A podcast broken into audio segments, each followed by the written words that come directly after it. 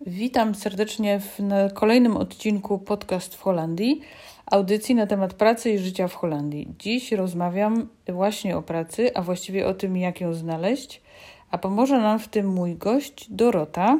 Dzień dobry, witam serdecznie. Dzień dobry, Doroto.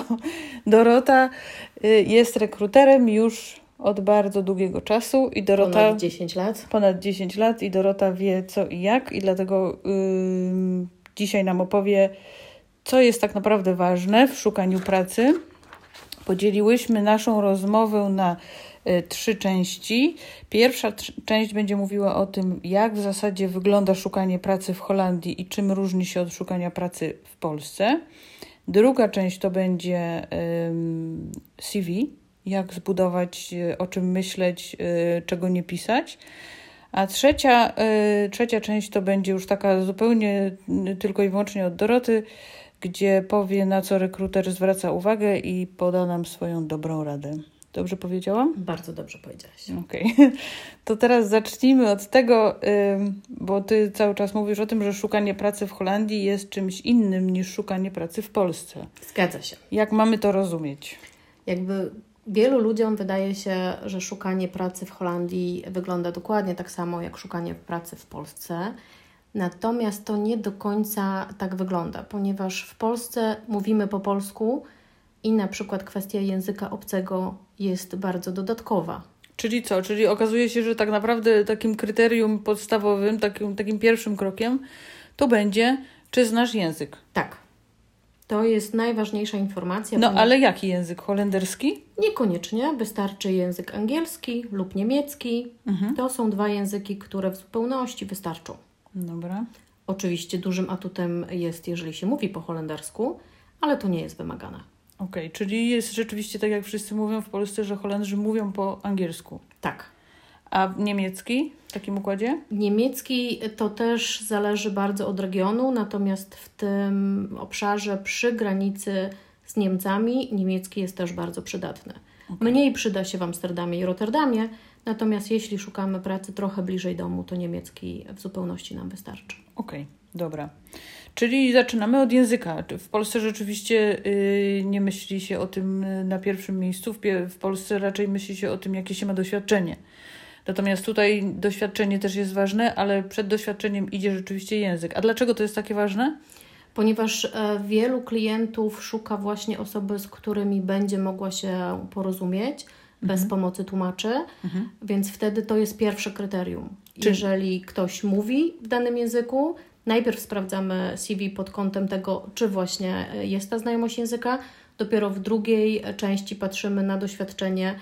A też z innej strony, wiele tych prac w Holandii, do których e, jedziemy, e, nie wymaga jakiegoś specjalnego doświadczenia. Są to prace produkcyjne lub magazynowe, więc generalnie E, wtedy wszyscy, którzy mówią w języku, e, kolejnym e, aspektem bardzo ważnym jest prawo jazdy, nadają się do danej pracy.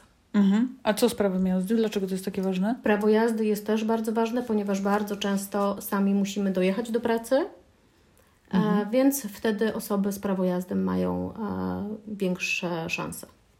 Aha, okej. Okay. Czyli po prostu dostajesz y, samochód i jedziesz do pracy i musisz mieć prawo jazdy. Dokładnie. Okej, okay. czyli tak, język, prawo jazdy. I dopiero wtedy doświadczenie. I dopiero wtedy doświadczenie. Czyli... Natomiast w wielu przypadkach e, chciałam zaznaczyć, że właśnie do tych prac produkcyjnych, takich bardzo prostych, do pracy w szklarni, no żadne doświadczenie nie jest nam wymagane. Więc jeżeli ktoś ma znajomość języka, ma prawo jazdy i ma chęci do pracy, to praktycznie rynek stoi otworem. No dobra, ale w Polsce jest dużo ludzi, którzy nie mają prawa jazdy.